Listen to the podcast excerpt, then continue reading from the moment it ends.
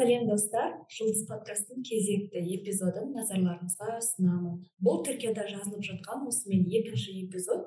Өткен жолы мен ә, түркиядағы алғашқы әсерімді жазып бірінші эпизодты жүктеген болатынмын. Енді бүгін келесі эпизодты да осы сакария қаласынан жазу бұйырып отыр бірақ та бүгін менде арнайы қонақ бар. Алдымен қонақты таныстырмас бұрын сіздер өткен эпизодтарды тыңдап ә, лайк басып пікір жазып міндетті түрде арнаға жазылып қойыңыздар.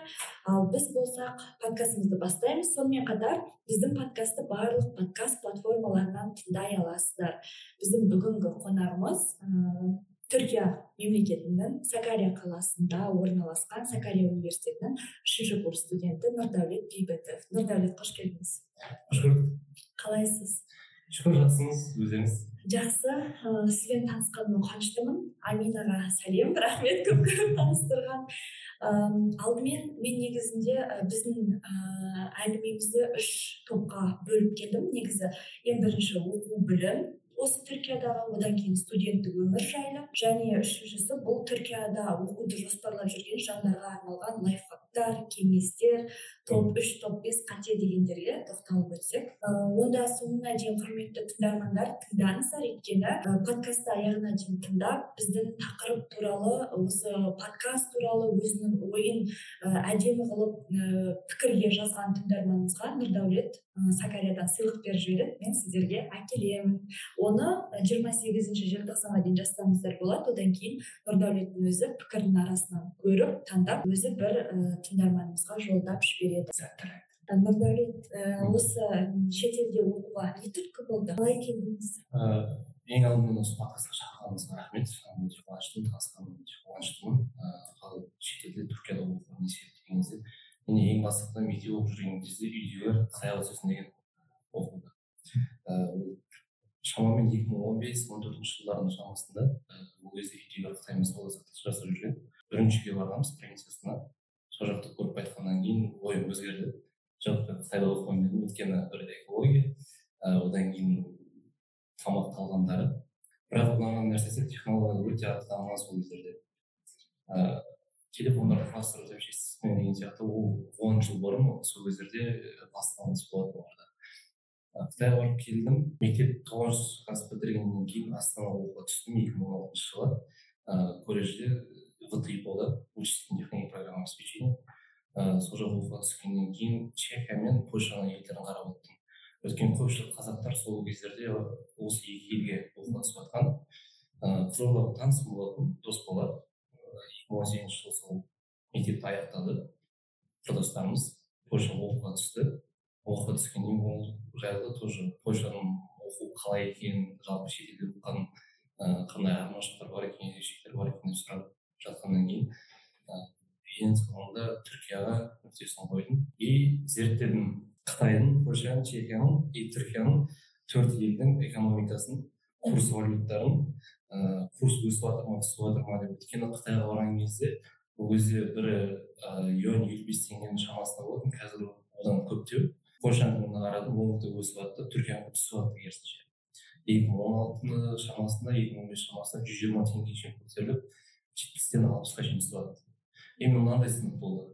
Ертең мен баратын болсам ыыы теңге каспи голд доллар арқылы барамын сол кезде лира алатын болса менің өмір сүрмейді маған жеген болды өйткені маған уже бүкіл нәрсе арзандайды одан кейін тіліне жарайды бардым оқуды бұйырса оқимын тілді үйренемін қандай потенциалдар болады мысалы сол ел маған не бере алады польшаға барсам польша тілін білемін бірақ обратно қазақстанға қайтқаннан кейін оны қолданамын ба оны қолдану өте аз иә шамасында ал түркияның уже түріктермен түрік бауырластармен соның серіктестіктер көп болғаннан кейін ертең бір сауда саттықта болсын басқа қазақстаннан келген кезде құрылыс компанияларда болсын ең азында түріктермен танысып сөйлесетіндер болып алдағы өзіме болмады дегенде күнделікті қолданамын деген ой болды ең азынан одан кейін блогы бар елдердің олар қазір он бірінші орында тұр қателеспесем соған өте қатты мән бергеннен кейін түркия елін таңдауға септігін тигізді білуімше сіздің қазір оқып жатқан мамандығыңыз ол қаржы ғой иә? Мхм иә. Ал втб қаржыға қалай келдіңіз былай болды негізінде. Колледжді таңдау мамандығым былай екі мамандықтар болды. Біреу программист біреу финансист өзім оқыған финанс академия болды. Қарадым бүйтіп ыыы финансистте пока қызығушылық болмады ол кездерде ол кездерде программист қызығушылық болды дәл сондай ғылыммен бітіремін бітіргеннен ең болмағанда бұл сала бойынша жұмыс істемесем өмірімде қолдана алмайтын өйткені қазір әрбір технология шығады телефон ноутбук басқа деген сияқты солаймен түскенмін қызығушылық болған кезде бітірдім бірақ мамандықтар таңдаған кезде көп ойландым қайсысын таңдаймын деп международные отношения қазақтардың көбісі таңдағысы келетіні одан кейін госуправление деген сияқты бірақ оны бітіргеннен ертең бір пайда бола ма деген сұрақ болды да. Өйткені адам басқару жағынан тәжірибе ретінде үйрене алса да болады көпшілігі ал финансовый грамотность екінің бірінде жоқ нәрсе. Сол үшін қаржыға түсейін қаржы сауаттылығымды арттырайын көтерейін. Ыыы ертең осы елдердің жалпы финанс структура системасы қалай жұмыс істейді сол жайлы зерттеуге қызығушылық болғаннан кейін ыыы сол қызығушылықпен оқуға түстім. Енді оқу қалай болып жатыр. Қиын ба дейін десем ол өте абсурд сұрақ болады да. бірақ қай жағынан қиын? Мысалы тілі жағынан қиын ба жоқ әлде? Оқу бағдарламасы? Мынандай айырмашылық бар мысалы қазақстан постсоветский пространствомен мысалы елдермен еуропаның елдерінде оқу графигі былай мысалы қазақстанда университеттерде оқитын құрдастарым таныстарым бір күнде төрт пәннен бес пәннен оқиды. Бұл жақта керісінше бірақ азаннан кешке шейін оқитын болса қазақстанда түркияда бұл орташа есеппен бір пәнге үш сағат береді мысалы түскі бірде басталады дейік сабақ бардық барғаннан кейін ұстазымыз келіп түркішеде ходжа деп айтады ходжа келеді де өзінің тақырыбын түсіндіреді ол тақырыпты екі сағаттың ішінде бір сағаттың ішінде бітіре алады бітіргеннен кейін сұрақтарын қояды студенттермен қандай сұрақтар сол тақырып бойынша деп сұрақтар жоқ болатын болса ертеректе екі сағаттың ішінде бітіреді да. Болды қайта береді бұл жақта график жағынан студенттерге бостандық берілген былайша айтқанда күшті кеңес ә, ал білім деңгейі жағынан бұл жақта күрделі. Қай жағынан? Бірінші тіл айырмашылығы бар. Өйткені әр саланың өзінің тіл диалектері болады сөздері болады.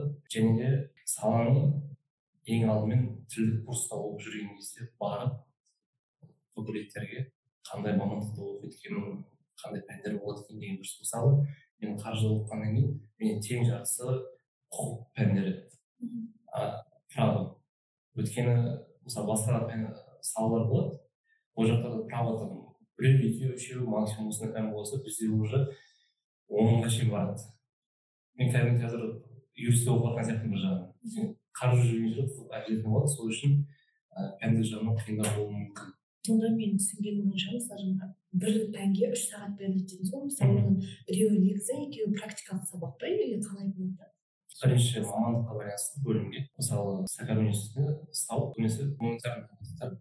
ол жақ жаңағы политология солар кіреді ал судікі технический мамандық.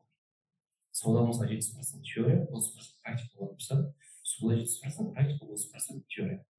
Сол сияқты егер инженерге түсетін адамдар болатын болса оларда көбінесе практикалық. Мысалы дос балам пинчатов институты ол инженері ол сабақтарға барған кезде бастапқы там теоретически өтеді да одан кейін барып практика жүзінде өтеді өзінің лабораторияда бетонды қалай жасау керек деген сияқты құрылыс саласында істеген кезде там жер сілкіністерден қалай болады деп кішкентай бір макеттармен солармен оборудованиялармен тексеріп өткіздіреді ал менің саламда көбінесе теория пайыз ал бұл жақта жаңа лаборатория деп қалдыңыз ғой нелер оқу базалары вообще жаңа ма мысалы бізде қазақстанда кей универлерде бәрі ескірген ғой мысалы химиктер биологтар жаңағы препараттар жасай алмайды бәрі ескі санақ ал бұл жақта ше лабораторияның өзін көп жер негізі барып көрген жоқпын бірақ осы стажға диссертацияға келген уақыттарымыз бар сол кезде лабораторияда жұмыс істеген кезде айтқан қазақстанмен айырмашылық лабораторияда құралдарды саналы көп деді мысалы жұмыс істеуге ыңғайлы деп айтты. Ал білім деңгейі жағынан біздікімен бірдей болады.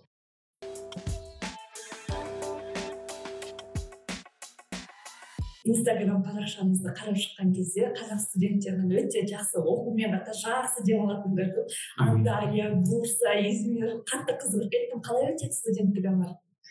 Ең бастапқыда түркияға келген кезде түрікше тілде оқисыздар.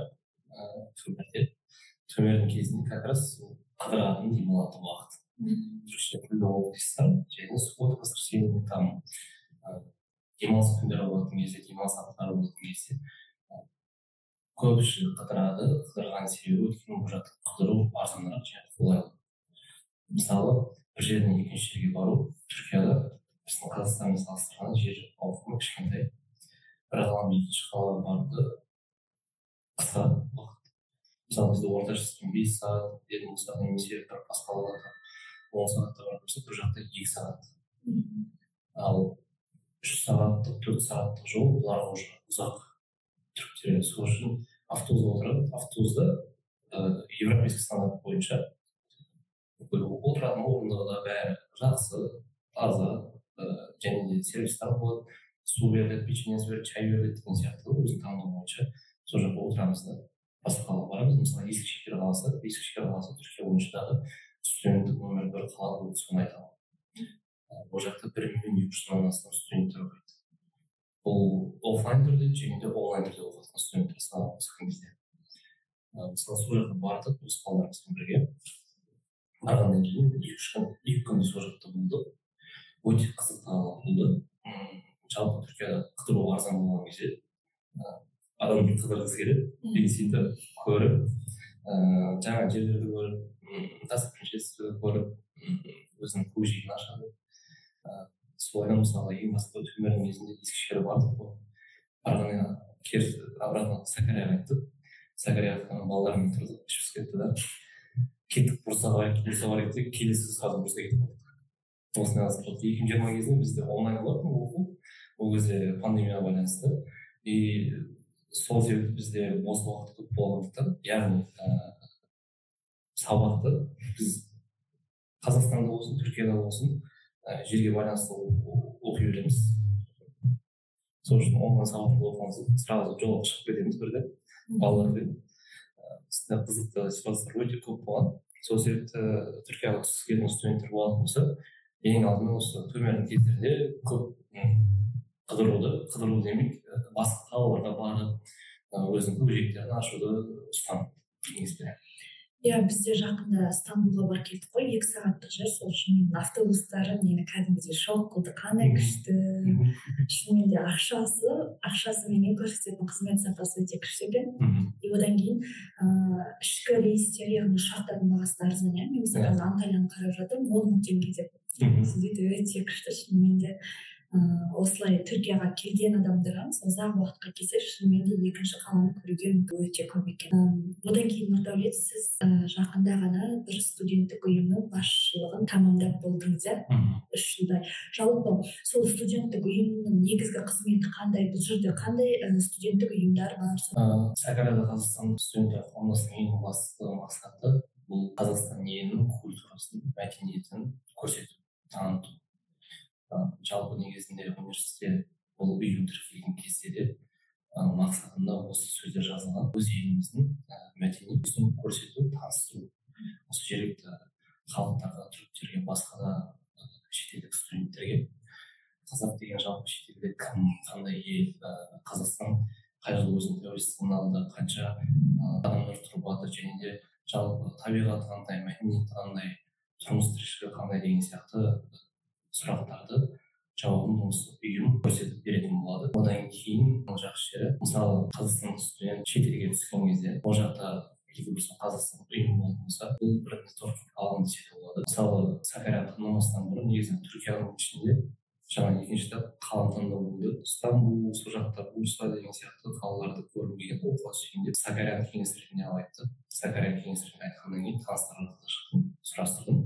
Мен жалпы қандай оқып жатқан студенттерден және мән бергенім ұйым болды. Компаниямен түссем де ә, егер вдруг қандай оқыс оқиға болатын болса ең болмағанда ұйым бар дедім. Және ұйым болып ең түркиядағы алғашқы құрылтай осы сакария қаласында өткізген болатын. Мынандай түсінік болды. Бұл жақтың қазақтар ұйымшыл ауызбіршілігі бар. Және де неге ең алғашқы құрылтай басқа ірі қалаларда емес неге сакарияда болды? Сакарияда болатын болса себебі бұл жердің қазақтары бір біріне бауырмашыл және де осындай активистік өмірге атсалысып тұратын ертең болмаған жағдайда өзіне осы қазақтармен танысып әйтеуір бір болмаса да ақыл кеңесін айта алу деген себептен осы сакарияға дейтін болдым иә шынымен де бұл ұйым жалпы сакария қазақтары маған да өте қатты көмектесті и қазақстанда жүрген кезде ол жақта көп бәрі қазақтар ғой енді ана жақта әр қазақ менің жалғызым прям қазақ көрсе қуанып ыыы ең алғаш осы жақтарға келген кезде ыыы аминамен неге бардық бір жерге тамақ ішуге ма сөйтсек ол жерде бір қазақ жұмыс істейді екен да. Сосын кейін айтады. Ғой о біздің жігіттер ғой мына жерде қазір олар бізге приз алып береді тегін бізге соғысты көріп оқиды береді дейді ғой. И мен ана жерде қандай күшті бір әр адам сол жерде сен біреу бауырың сияқты біреуің әпкең сияқты қатты сондай жылы қабылдадым қандай күшті ұйымшылдықтары қандай жақсы деп. Ал енді андай бір нелер бола ма мысалға? Осы ұйым арасында қандай да бір қиындықтар ол қалай шешіледі? Жалпы ұйым негізі өзін үш этапқа бөлдім біріншісі этап ұйымның құрылу құрылған кезі және екі жүз қазаққа дейін болған уақыты. Екі жүз қазаққа шейін болған кезде мысалы бір қалада максимум екі жүз қазақ ұйым бар. Ол бұл санаттағы қазақтар бір бірін таниды ұйымшылдығы толық ешкім екі жүз бен бес жүздің арасында осы бес жүзге тақалған кезде аз маз қиыншылықтар шығады ол көбінесе мәдени тұрғысынан мысалы салт дәстүрдің айырмашылығы жағынан. Өйткені қазақи түсінік болады өзінің түсінігі болады деген сияқты бір сатыда сол түсініспеушіліктер болып осындай кезде шыға бастайды осы кезде қазақ бауырларымыздың сол кезде барып проблема шыққан кезде барып көмектесесің төбелес деген сияқты ғой енді болады ол тек қана түркияда емес басқа еуропа елдерінде корея америка деген сияқты ғой бірақ ол жалпы тек бізде ғана болатын нәрсе емес басқа елдерде сондай болады. Жаңа бір елге келген кезде ол жақта адаптация уақыт өту керек. Бір жыл бұл бірінші алғашқы жыл адаптация уақыт өтетін кезең. Жалпы басқа елдегі тәртіп қалай екенін олардың деген көзқарастары өздерінің өмірлік ұстанымдары қандай болады екен соны үйренеді. бірінші жыл өткеннен кейін барып ыыы көбісі басылады. Көбінесе сөйтетін болса бакалавриатқа түскен кеше ғана мектеп бітірген оқушыны үйден ең алғашқы шығады және де шетелге ең алғашқы шығады. Жасы он сегіздің төңірегінде он алты он сегіз ол қанын қызықтыратын кезеңі.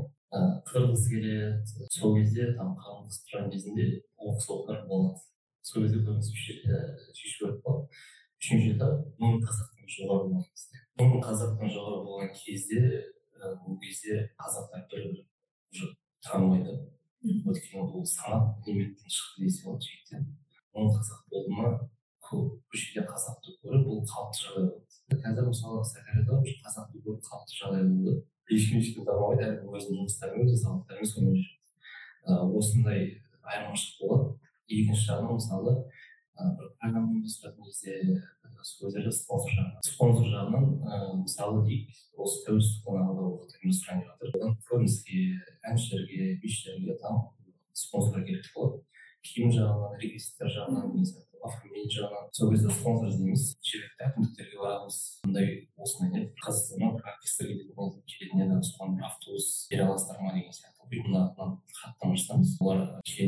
show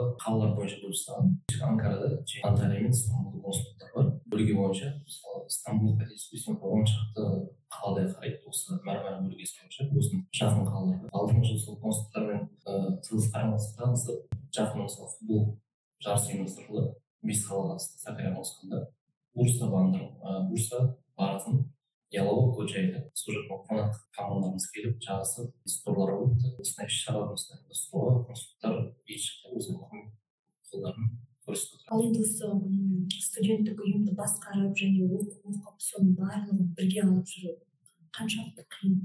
Қандай кеңес бересіз мүмкін осыны тыңдап отырған? Тыңдармандар ертең айтады башкам боламын деп қандай қабілет керек? Бірінші кезекте басшылық қасиет ең бірінші басшылық қасиет күйеуінің туғаннан бастап болады. Күйеуің де тәжірибе арқылы жинақтайды мен өз басым тәжірибе арқылы жинақтадым.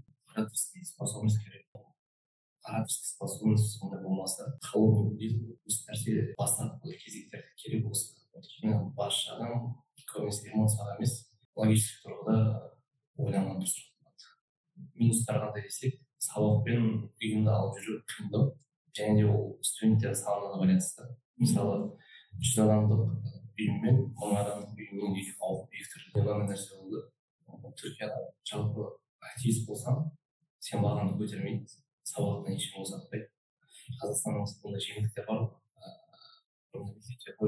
Сол сабақтан босатып жарыстарға барады әйтеуір мектепте колледжде әйтеуір жақсы жағын көрсетіп жүр ғой деп әйтеуір өзінің көмектерін беретін дұрыс түсіністікпен қарап бірақ бұл жақта активный өмір бөлек мен ол өзім үшін не сабақ өзім үшін сабаққа келдім ба оқы өзің біліміңе сай барлығы қалсын сол сияқты ол обществоға қатысқысы келетіндер ерікті болғысы келетін адамдар болатын болса айтарым бұл жақта активный бөлек сабақтық бөлек көбінесе сабаққа мән беріңіздер бірінші кезекте осы болсын ең алғашқы мақсатымыз сабақ оқу диплом алу осы жақтағы шетелдегі жалпы бізге пайдалы болатын нәрсені өзімізге сіңіріп пайдасыз нәрсені қойып осы жерде қалдырып қазақстанға оралып қазақстанды дамыту. Күшті ал енді үшінші бөлімге қарай көшетін болсақ ыыы көбісі жаңағы компания арқылы келді компания арқылы қиын жаман деп айтып жатады. Сол соған тоқталып түсіндіріп кетсеңіз ол не және компанияменен оқуға түсу оқуға тапсырудың қандай көлеңкелі тұстары бар? Мысалы мен түсетін кезде ыыы инстаграмның ютубтағы әлеуметтік платформалар бар сол жақта істегенмін. Сол кезде компаниядан шықты.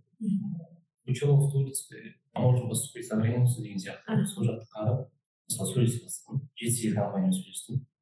жеті сегіз компаниямен сөйлескен кезде осы кезде әр компания өзінің деңгейін түсінді.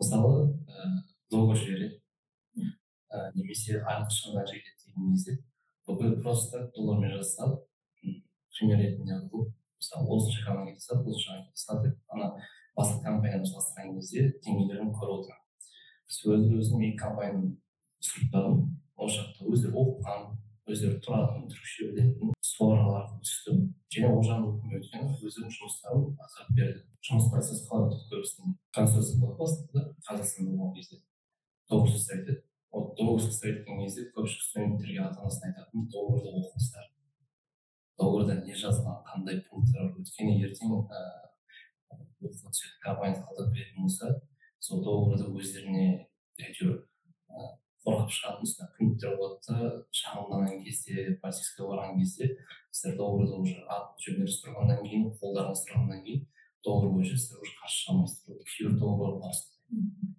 сол үшін договор мән беріңіздер оқыңыздар. Өз басым договорды оқыған кезде юристке жібердік қарап оқып берді. Договор жақсы деді бірақ осының осындай пункттерге мән берген дұрыс деді.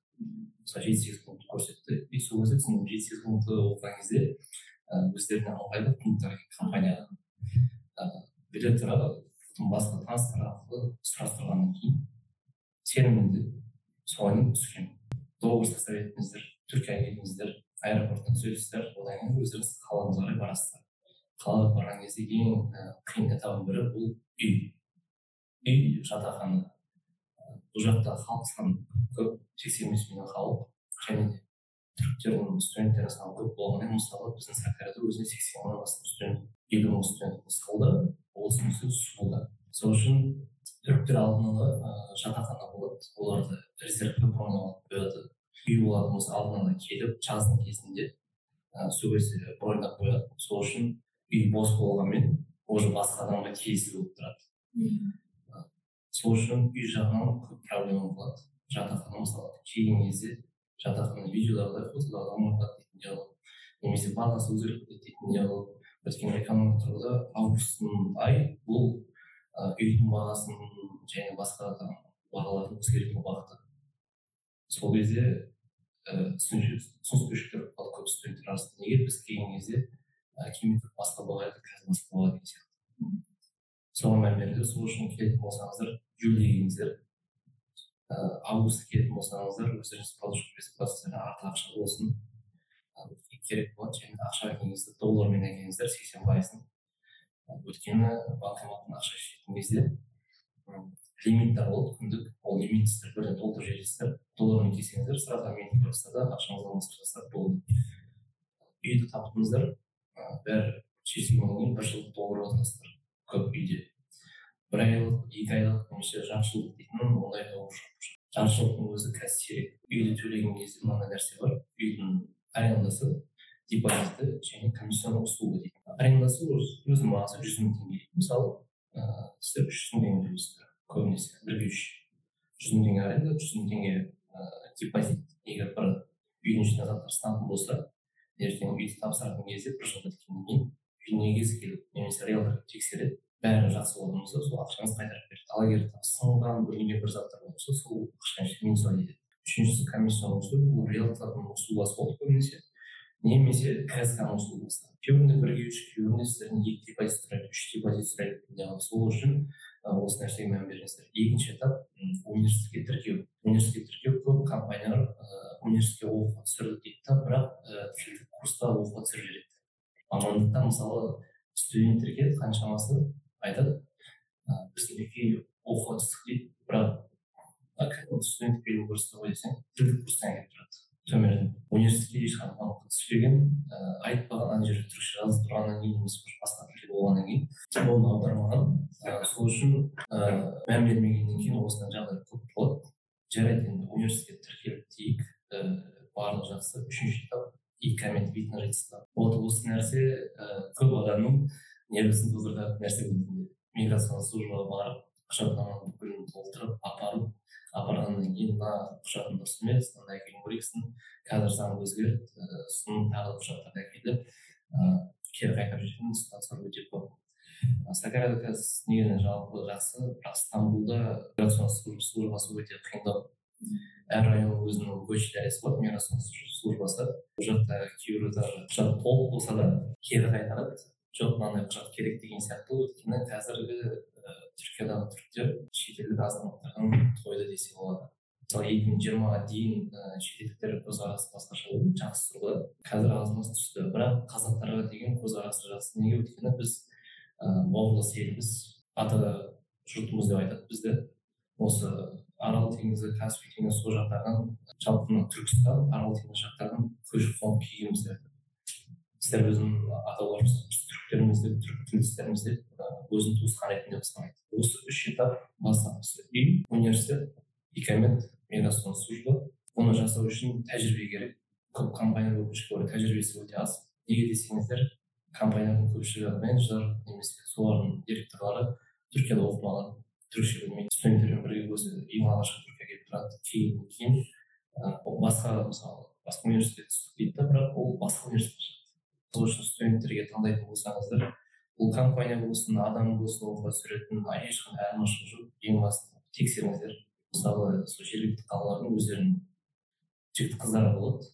Местный десе болады өзінің жергілікті қаласын жақсы білетін құжаттама жағын жақсы білетін сол арқылы сөйлесіп көріңіздер өйткені қаншама жыл сайын студенттер алданып қалады компанияға осы жақта жігіт қыздар өздері көріңіздер әйтеуір қастарымен жүріп осы жаққа үйренісуге тексеретін болсаңыздар достықтарын тексеріңіздер шынымен де қалай адамдар арқылы сұраңыздар. Егер сенімді адам жақсы дейтін болса сол өз алдына келе қойыңыздар бірақ қазір кейбір компания өздерінде де өтірік болсықтар да көп сол үшін осыған да қатты мән беріңіздер түсетін кезде тәжірибесі мол ыыы түрікше білімі мол осындай адамдарды таңдағандарыңыз дұрысырақ болады. Түсінікті. Ал жалпы алғашқы уақытта өзіңмен бірге қанша ақша әкелген дұрыс мысалы қазір тек сакария қаласы бойынша айтайық бастапқыда үш миллион теңгемен келгенбіз үш миллион екі мың жиырма үшінші жылы өйткені стамбулда баға басқа анталияда баға басқа деген сияқты. Және түркияда андай бір қалыпты баға болады дейтін бұл жерде баға тұрақсыз. Сакарияға айтатын болсақ үш миллион теңге жеткілікті бастапқы бір миллион мысалы компанияға екінші миллионы үйдің ақшасы оқудың ақшасы кетті дейік билеттің ақшасы деген сияқты болып үшінші миллион өзінің там бастапқы өмір сүру. Бұл орташа есеппен. Осыны доллармен әкелсеңіздер дұрысырақ және солай ал басқа қалалар бойынша сол жақта тұрып жатқан адамдардан сұраған дұрысырақ одан кейін бұл жақта негізі оқу ақысы қазақстаннан әлдеқайда төмен иә мысалы мен ең бастапқы екі жүз қырық теңге төлейтін болатынмын жылына бір жылға иә бір жылға екі семестр бір жыл қазір жүз сексен мың теңге өткен лира түсті лираның көтерілгенмен оған құндылығы түсті да доллармен теңгемен теңгемен сол үшін түсіп жатыр жыл сайын бұл баға негізінде қазақстанмен салыстырғанда өте төмен баға негізі баға тегін десе де болады себепті бұл оплата қалай болады бірінші семестр бір төлейсіздер екінші семестрге келсеңіздер басталмай тұрып тағы екінші төлей қойсыздар осыны екіге бөлесіздер төмен бағада және бұл төмен баға көбінесе үкіметтердің университеттерінде ал жеке университеттер болады частныйлар оларда баға басқаша ол әлдеқайда қымбат мысалы екі мың доллар бес мың доллар он он бес мың доллар деп кете береді сол сияқты түсетін болсаңыздар дәулеттің үкіметтің университеттерінде соған түскендеріңіз дұрыс одан кейін осы түркияға жаңағы универлерінде тегін оқуға байланысты түрік курстары деген бағдарлама бар иә одан басқа тағы қандай бар грантпен оқуға түскісі келетіндер тек осы бағдарламада бар. Жалпы түркия бойынша мысалы қазақстанда оқушы студент түркияға грантқа оқуға түскісі келеді январь февраль арасында сол кезде бірінші конкурсты сайтқа подаваться етесіздер. Түркия курсының өзінде ресми сайты бар. Сол сайтқа кіресіздер да регистрация жасайсыздар тіркелесіздер. Өзіңіз жаңағы мәліметтерді толтырасыздар. Бірінші курста бірінші конкурстан олар автоматически өзі компьютер өткізетін болады систематикадан бірінші курс бірінші конкурсты өтсеңіздер екінші конкурс болады екінші этабы интервью.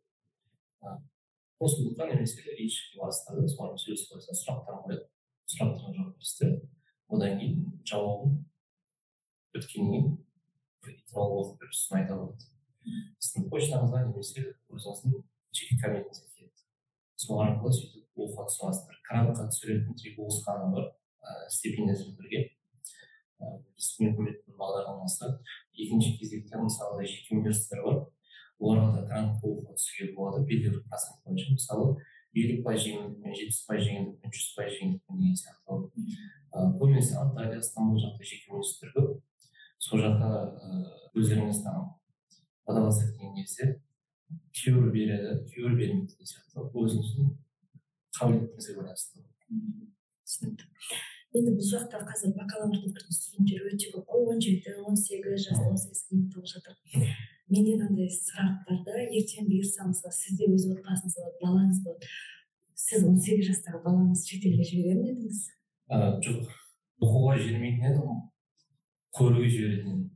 Негізінде қазақстан негізі былай мектеп пен бакалавр университеті қазақстанда оқыған дұрыс.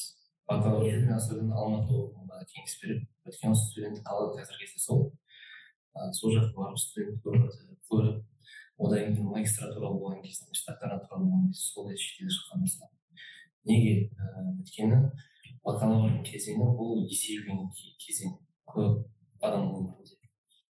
Жаңа ортамен танысады жаңа қаламен танысады жаңа тәртіппен танысады. Бакалавриатқа түсетін студенттеріміз көбінесе осындай проблема болып мысалы бауырларымыз інілеріміз төбелесіп кетеді деген сияқты ғой вот осындай ситуациялар ол жақ қазақстанның жаман жағын таныстырады негізінде сол үшін тыңдап көрермендер болатын болса бакалавриатты алматыда оқып одан кейін магистратура шетелде оқып қазір бағдарлама өте көп мысалы болашақпен америкаға түсіп жатқандар өте көп магистратураға еуропаға түсіп жатқандар өте көп сол сияқты южный азияда сингапур елдерінде сияқты болып сол жақтарды көрсеңіздер он бес он жеті жастағы нұрдәулетке қандай кеңес айтады сіз нешедесіз қазір мен ба жиырма екідемін бес жыл бұрын бес жыл бұрын білімді болсын ең бірінші кезекте өйткені мынандай сөз бар кедей теңестіретін білім сол сияқты көп ортада адам білімді болатын болса өзін жақсы жағын көрсете алады одан кейін қабілеттілік не нәрсені жалғастыра бер деп едіңіз ізденуді өз өзін дамытуда ізденуді осы бұйырса енді бір аптадан кейін осы аптаның соңында еліміздің тәуелсіздігіне отыз екі жыл толады бұйырса бұл подкаст енді келесі аптада тәуелсіздік күнінен кейін жарияланады бұйырса сіздің айтар тілегіңіз? ең алдымен осы қазақстанның қазақ жалпы ұлтына деген өзінің септігін тигізген алуға септігін мен тигізген өздеріміз ата бабаларымыз біздің алдымызда қазақ алғысын айтқым келеді өйткені тәуелсіздікті алу ешқандай оңай болмаған тәуелсіздік бұл егемендік ең бірінші кезекте болатын елдің тізбегі десе болады. Алашорда қазақ хандығы тәуелсіздік ең алғашқы алған кезектегі адамдардың осы адамдарға алғысын айтқым келеді. Өйткені жанмен қан тер тапсырған уақыт. Одан кейін қазір жастарымыз тәуелсіздікті осы алудың маңыздылығын көп байқаса көп мән берсе екен дейді. Тәуелсіздік шынымен бейбіт елде өмір сүріп жатқан өзі бұл бір жетістік. Қазір осыны басқа елдердегі жағдайға қарап отырсақ өзім қазақстанда туғаныма өте қатты шүкір етемін бейбіт елде басқа да ұлттармен бірге жақсы қарым қатынаста сол үшін тәуелсіздігіміз құтты болсын тәуелсіздігіміз арта берсін. Қазір отыз екінші жыл болса жүз жыл екі жүз жыл мың жыл деп тәуелсіздігіміз қазақстан еліміз дамып жалғаса берсін. Біздер сияқты біздер сияқты жастар болып енді сол елімізді бірге көркейтейік ә, жаңа өзіңіз айтып кеттіңіз ғой алаш арыстары деп көшбасшысы ә, әлихан бөкейхан.